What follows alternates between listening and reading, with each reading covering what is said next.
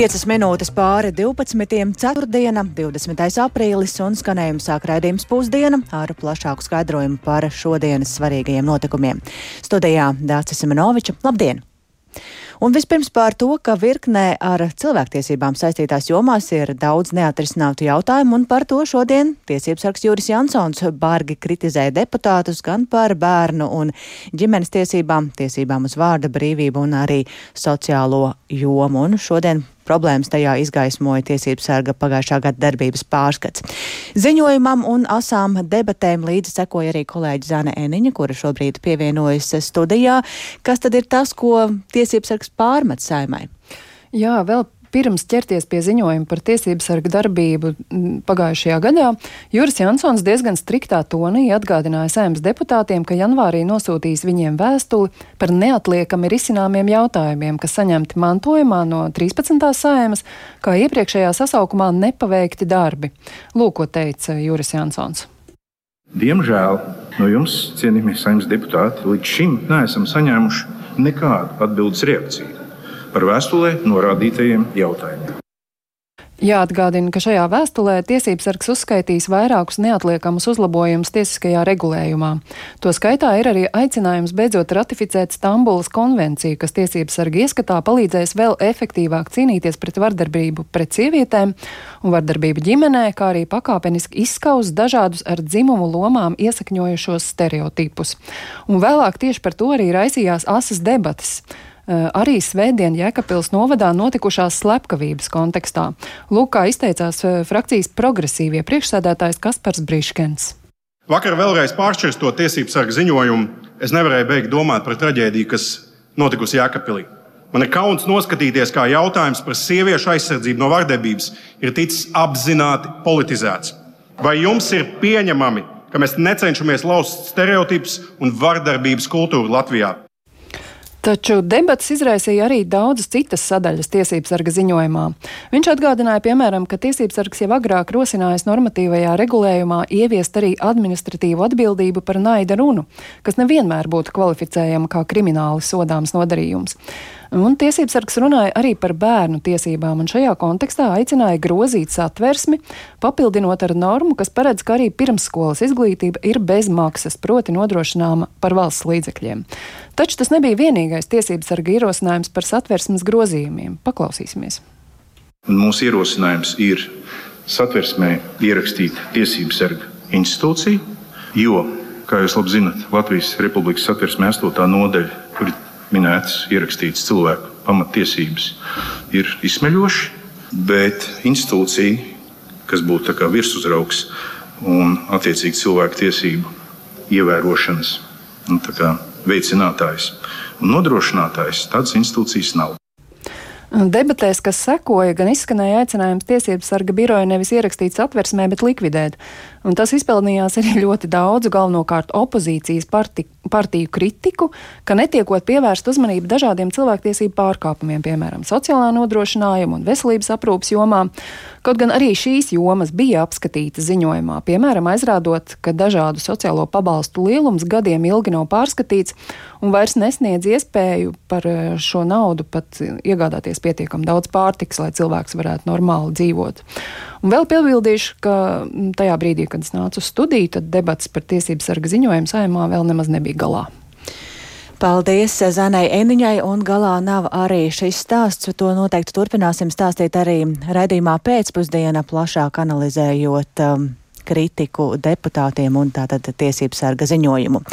Bet eh, joprojām nav tādas īstas skaidrības par to, kas tad vakar vakarā nogāzās Kīvā un kādēļ bija izsludināta arī gaisa trauksme. Skaidrs vien tas, ka to neizraisīja Krievijas gaisa iebrukums. Versijas par to bija ļoti dažādas, no meteorīta līdz satelītam, un parādījās arī vēl pat daudz mistiskāki pieņēmumi. Ukrainas galvaspilsētas Kijevas kara administrācija ir paziņojusi, ka tas, kas pilsētā nogāzās, bija ASV Nacionālās aeronautikas un kosmosa pārvaldes kosmosa satelīts. NASA gana šīs ziņas par satelītu nogāšanos noliegusi. Un vairāk par situāciju Kīvā šobrīd esam sazinājušies ar Latvijas radio korespondentu Ukrainā Indru Sprānci. Labdien, Indra, un vai uz šo brīdi ir tāda lielāka skaidrība, kas tad īsti ir noticis Kīvā? Jā, labdien! Vakar vakarā īsi pirms pulksten desmitiem virs Kīvas debesīs bija redzams krītošs, spoži liesmojošs vai citādi spēcīgi gaismu izstarojošs objekts. Tas piefiksēts dažādos video, kas izplatījušies sociālajos tīklos. Tie nav oficiālo iestāžu konti, bet nu šajos video no dažādām vietām Kīvā ir redzams, kā blīvi apdzīvotā vietā krīt kaut kāds nu, ļoti spēcīgi, gai, spēcīgs, liels, gaišs, liesmojošs objekts. Kas tas bijis, joprojām nav nekāda skaidrība. Um, kā jau minējāt, šī e, Kīivas kara administrācija sākotnēji ziņoja, ka tas varētu būt um, NASA uh, kosmosa satelīta daļas, uh, kas krīt uz uh, tieši virs Kīivas, taču tas neapstiprinājās un NASA ziņas par satelītu nogāšanos noliegusi. Savukārt Ukrainas gaisa spēki šo saistīja vai no nu ar satelītu vai ar meteorītu nokrišanu ar piebildu, ka informācija tiek precizēta. Un jau šodien no rīta parādījās jauna informācija, šoreiz no galvenā speciālās uzraudzības centra. Šis centrs uzrauga geofizikālās parādības un pilda arī kodola izmēģinājumu aizlieguma līguma organizācijas starptautiskās uzraudzības sistēmas Nacionālā datu centra funkcijas. Un, lūk, šī centra dati arī uzrādījuši procesus, sarežģīti fizikāli, kā viņi to raksturo, kas kā liek domāt par kosmiska ķermeņa nokļūšanu blīvajos atmosfēras slāņos, bet ko tas īsti nozīmē, nav paskaidrots tālāk, un arī šī iestāde tāpat norāda, ka informācija tiek, tiek precizēta. Un, jā, tā kā līdz ar to uz šo brīdi nekas vairāk un skaidrāks par, par šo te nav zināms, vienīgi tas, ka vakar vakarā patiešām um, gaisa telpas aizsargi reaģēja, redz, redzot šo te ķermeni vai nu kas tas bija, un uh, tika izsludināta šī gaisa, gaisa trauksme, viņa bija pietiekoši ilga, uh, turpat stundu. Tātad ar domu, lai izvairītos no iespējamiem upuriem, krītot kaut kādām atlūzām, bet nav nekādas informācijas, vai kaut kas ir kaut kur atrasts no, no nokritušā un kas tas īsti ir bijis, joprojām nekāda skaidrība nav par to. Tātad skaidrības maz, bet noteikti ir kāda plašāka reakcija uz šo notikušo, ko mediji par to raksta. Mediji salīdzinoši mazu informāciju, mazu uzmanību ir pievērsuši. Tas ir parādīti neliela daļa no šiem te video, kas ir bijuši redzami daudz lielāku uzmanību. Šorīt ir bijusi pievērsta frontē notiekošiem kārtējiem, kārtējiem dronu uzlidojumiem. Ukrainai tie ir bijuši 25, no tiem 21 notriekts. Tāpat liela uzmanība ir arī plūdiem, kas pārņēmuši lielu daļu Kīvas, Černīhivas un Virklu virkni citu valsts centrālo apgabalu. Nu, um, tiek atzīmēts, ka tie ir lielākie, lielākie plūdi kopš 2013. gada, un daudziet patiešām ir situācija diezgan traki, ir aplūduši dzīvojamās ēkas, ielas, parki, un daudziet nācies arī veikt iedzīvotāju evakuāciju. Bet, nu, vismaz Kīvā situācija pamazām ļoti lēnām, bet uzlabojas, un ūdens līmenis krītas te galvaspilsētā. Bet noteikti daudz lielāka uzmanība tiks pievērsta šī rīta svaigākajām ziņām un tam, ka kļuvis zināms, ka, ka Kīvā ir ieradies NATO ģenerālsekretārs Jens Stoltenbergs. Indra, saki, kas tev par to ir zināms?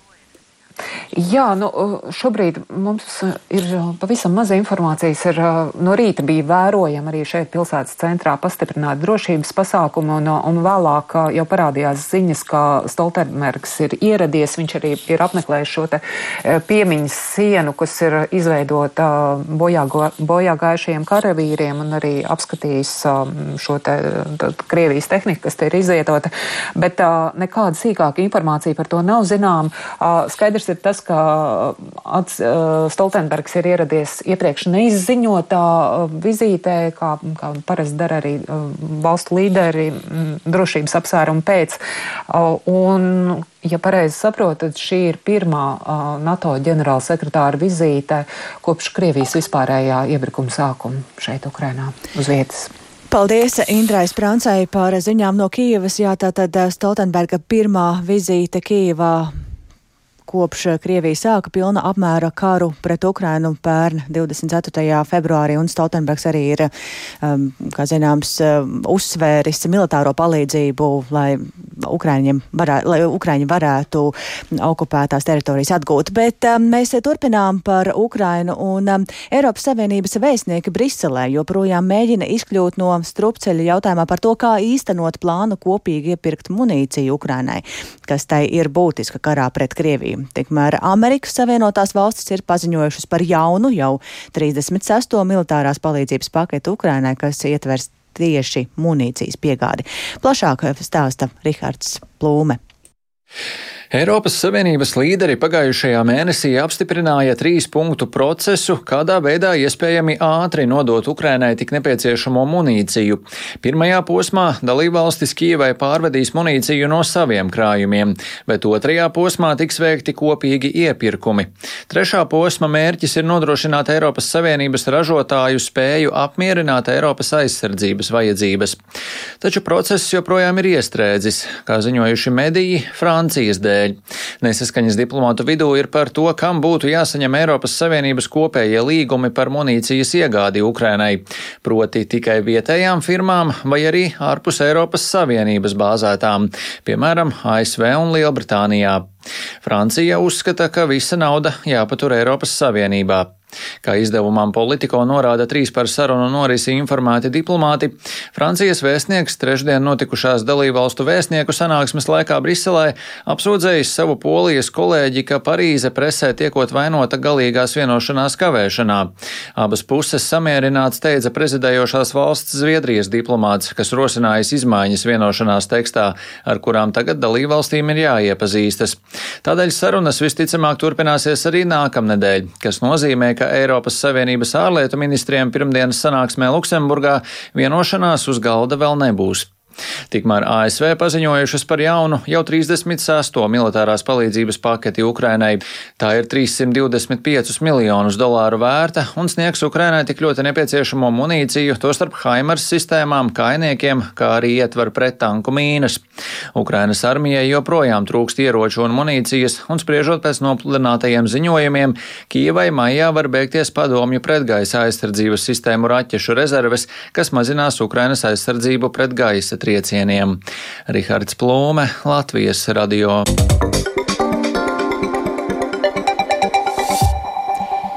121 eiro dienā, jeb teju tūkstotis eiro par astoņām dienām. Tik liela dalības maksa ir noteikta amatniekiem, kuri plāno piedalīties dziesmu un deju svētku tirdziņā Rīgā Vērmanas dārzā. Pēc meistaru saceltās ažiotāžas jautājums ir nonācis līdz saimas deputātiem, kuri asā diskusijā atbildīgiem prasīja pamatot, kā tad šī summa veidosies, taču organizatori skaidru atbildi nav devuši, un amatnieka brīdina, ka augstās cenas dēļ tirdziņos nepiedalīsies. Vairāk par to Viktora Demīdova ierakstā. Astoņu dienu garajā dziesmu un deju svētku amatnieku tirdziņā Vērmanas dārzā piedalīties ir pieteikušies 140 amatnieki, taču to skaits varētu krietni sarukt. Latvijas Nacionālais kultūras centrs ir noteicis, ka par 9 kvadrātmetru lielu telti amatniekiem katru dienu būs jāmaksā divreiz vairāk nekā iepriekšējos dziesmu un deju svētkos, kad meistari dienā maksāja 60 eiro. Šogad par dalību astoņu dienu garajā pasākumā amatniekiem nāksies maksāt ap 900 170 eiro. Lai gan Nacionālā kultūras centra pārstāvi aizbildinās, ka summa pieaugusi tik krasi cenu kāpuma dēļ, amatnieki un politiķi uz tarifu raugās skeptiski. Saimas uzņēmēja darbības attīstības apakškomisijas sēdē diskusijas starp amatniekiem un svētku organizatoriem bijusi ļoti spraiga. Pamatojiet man vēlreiz, kā veidojās 121 eiro dienā. Cik ir pašvaldības nodeva, cik ir nodeva Rīgas mežiem, Vispārējais. Nu, tajos uh, 121 eiro ir 21 uh, eiro PVN. Tātad mēs runājam par 100 eiro, kas ir izmaksu sadaļa. Ir tātad, ja jūs tā gribat uh, par kvadrātmetru, Jā, uh, es šobrīd nebūšu gatava atbildēt tieši par kvadrātmetru, jo tas ir tieši saistīts ar amatnieku daudzumu, Nacionālais kultūras centrs prognozēja, ka par Vērmanas dārza uzkopšanu, atkritumu izvešanu un zāles pļaušanu uzņēmumam Rīgas meži izmaksās aptuveni 25 tūkstošus eiro. Taču Rīgas domas neatkarīgais deputāts Valters Bergs norāda, ka summa ir izdomāta, jo centrs pie pašvaldības nav vērsies. Mēs arī pareiķināt, ka tomēr šie 140 dalībnieki piedalās un mazāko maksu šo 121 eiro dienā. Un, ja mēs to pareizinām ar astoņām dienām, tad tie ir 135,520 eiro.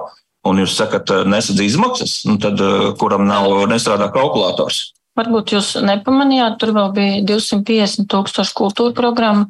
Un uh, tur ir vēl rinda ar uh, izmaksām, kuras nav atšifrētas. Bet vai tirgotājiem būtu jāsadz arī kultūra programma, kas nav saistīta ar uh, viņu tirgošanos? Mēs domājam par to, ka tirgus ir tāda vieta, kurai ir jābūt kultūras programmai, lai piesaistītu vairāk apmeklētājus. Par dalības maksas nepieciešamību ir pārliecināts saimnes apakškomisijas vadītājs Artūrs Butāns no Nacionālās apvienības, norādot, ka tai ir jābūt lielākai par 2018. gada izcenojumiem, taču arī politiķis par noteikto summu ir neizpratnē. Es neredzu pamatojumu vienkārši šai summai.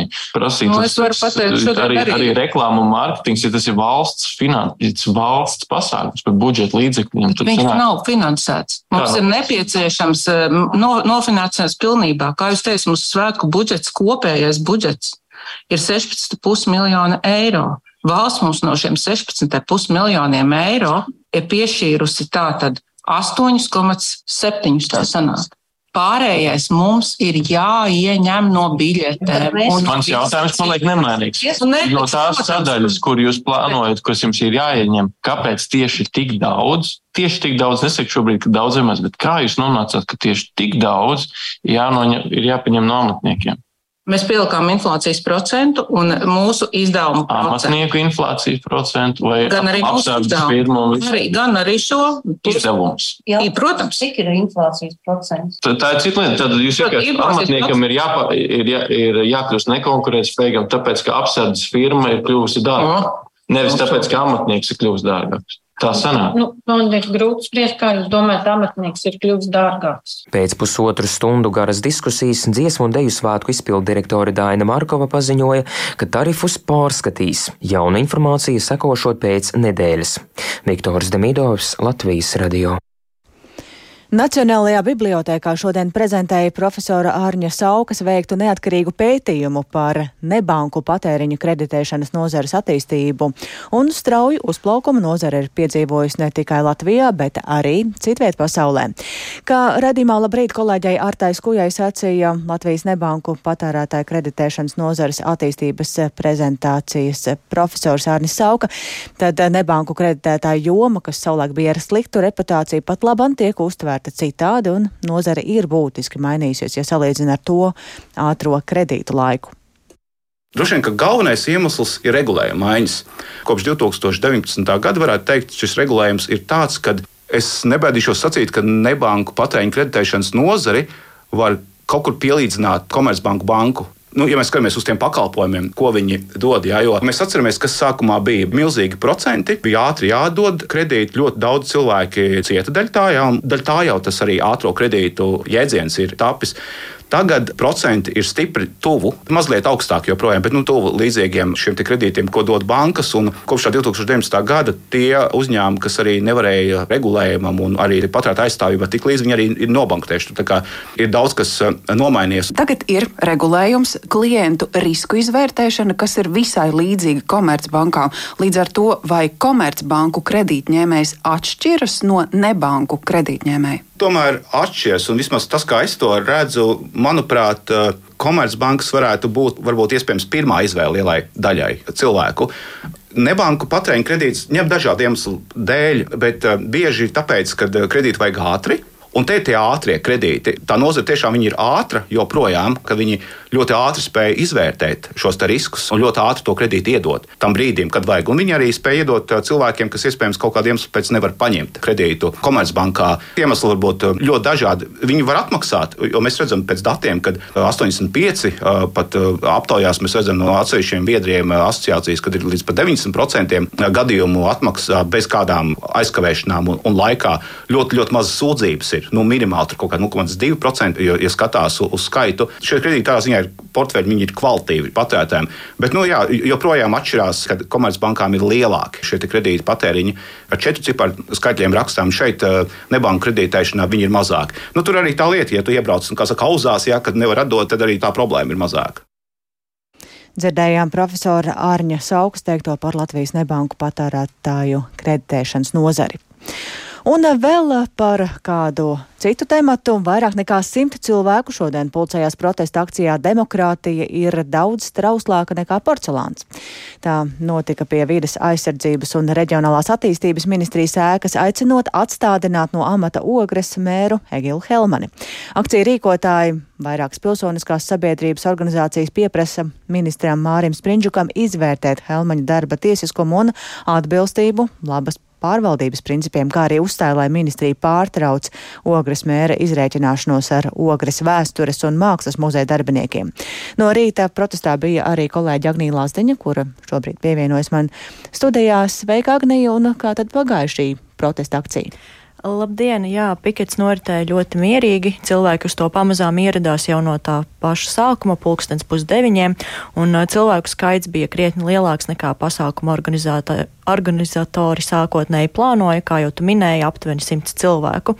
Vairumam no viņiem līdzi bija dažādi plakāti ar uzrakstiem kā muzeja mobbingam nē, varam vai nevaram, helmanismam, orbānismam, putinismam nē, un arī Latvijai un arī Latvija vai Ungārija, un arī daudz citi plakāti. Tāpat dalībnieki sauca vairākus saukļus, piemēram, Atlais Helmani, Helmanis nav lāču plēsis, Avena nauda ir Helmeņa alga, un, un arī citus. Vaicājot, tad kāpēc cilvēkiem ir bijis svarīgi šodien piedalīties protestā, visi uzsver, ka notiekošais nav stāsts tikai par ogri. Es esmu ieradies, lai vienkārši atbalstītu Ogres eh, muzeja direktori, kur ir apklusināti. Man vienkārši satrauc tas, eh, ko Ogres eh, novada mērs atļaujās demokrātiskā Latvijas valstī, pašvaldībā. Es esmu šodien šeit ieradusies, lai aizstāvētu pamatvērtības un mākslas brīvības tiesības. Nu, es esmu ieradies ar Ungārijas karogu mazliet provokatīvi šeit, jo man tas notiekošais ogrē bija atgādina Ungāriju, ka notiek izrēķināšanās ar tiem, kas nepiekrīt varai. Viss šī draudzēšanās sarunās ar Krieviju, ar Krievijas oligarhiem, tas nav, manuprāt, demokrātijas cienīgi. Protesta dalībniekus uzrunāja arī pārstāvi, kas piketu organizē, piemēram, biedrības Delnas direktora Inese Tauriņa un arī domnīcas providus direktora Iveta Kažoka, kā arī citi cilvēki. Taču piketa dalībniekus uzrunāja arī vides aizsardzības un reģionālās attīstības ministrs Māris Sprindžuks no apvienotā saraksta. Savā uzrunā viņš uzsvēra, ka protests un arī visa radusies situācija ir stāsts par demokrātiju un par varu līdzsvara noturēšanu Latvijā un arī apziņas veidošanu, ka politiķis, kas kalpo kalpo tautai katru dienu un ka viņiem ir jājūt elpa pakausī un jāatskaitās arī tāpat katru dienu cilvēkiem, un ka demokrātija nav tikai reizi četros gados, bet tā ir katru dienu. Un vakar ministrs ir parakstījis darba uzdevumu, kurā pieprasa Ogres novada pašvaldībai līdz 30. aprīlim sniegt paskaidrojumu par Ogres novada muzeja direktores Evijas Smiltnieces un muzeja galvenā vēsturnieka Arno Smiltnieka atstādināšanu no amata. Kad saņems atbildi no Ogres novada pašvaldības, tad ministrs izvērtēs izvērtēs situāciju un iepazīstinās ar to arī ministru prezidentu un valdību. Paklausīsimies, ko tad saka pats Sprindžuks. Mēs esam tiesiska valsts. Mēs arī nevaram iet tādā veidā, kā tas tika darīts iepriekš ar Rīgas teritorijas plānojumu, ka vara ministram ir vara. Tad es uh, valku ārā pātegu. Tātad, lai ko mēs darītu, mums jārīkojas arī tiesiski. Jā, lūk, tā, tad, tāds ir viedoklis no Māras Prinčuka puses. Vai tev ir zināms, ko par to saka pats Ogres mērs? Jā, es sazinājos arī ar ogres mēru Egilu Helmani, kurš šobrīd atrodas Ukrainā, bet uh, viņš gan tobrīd nevarēja man sniegt komentāru, taču solīja to izdarīt vakar pusē. Paldies kolēģei Agnijai Lazdiņai. Tātad um, gaidīsim arī, ko par to saka pats ogres mērs Egils Helmanis pašvaldībai Savukārt paskaidrojumu, kā dzirdējām, ir jāsniedz līdz 30. aprīlim. Un ar to arī izskan šīs dienas raidījums pusdiena. Tā producente Ilza Agīnta, ierakstus montēja Uldis Grīnbergs par labskaņu rūpējās Kārlis Rašmanis un ar jums sarunājās Dācis Semenoviča. Vēl īsi par šodien svarīgāko. Tiesības sargs Asi kritizē likumdevējus par neatrisinātiem jautājumiem bērnu un ģimeņu tiesību jomā. Kīvā ieradies NATO ģenerālsekretārs Jens Jens Stoltenbergs un Vēstniekiem Briselē joprojām domstarpības par Eiropas Savienības kopējiem līgumiem munīcijas iegādēji Ukrainai. Latvijas radio ziņām un arī raidījumiem, kā ierasts, varat sekot līdzi arī raidierakstu platformās, tāpat arī mūsu mobilajā lietotnē. Mūsu ziņas atrodamas arī sabiedrisko mediju portālā LSMLV un arī sociālajos tīklos. Ēterā raidījums pusdiena jau atkal rīt. Plašāks izklāsts arī raidījumā pēcpusdienā.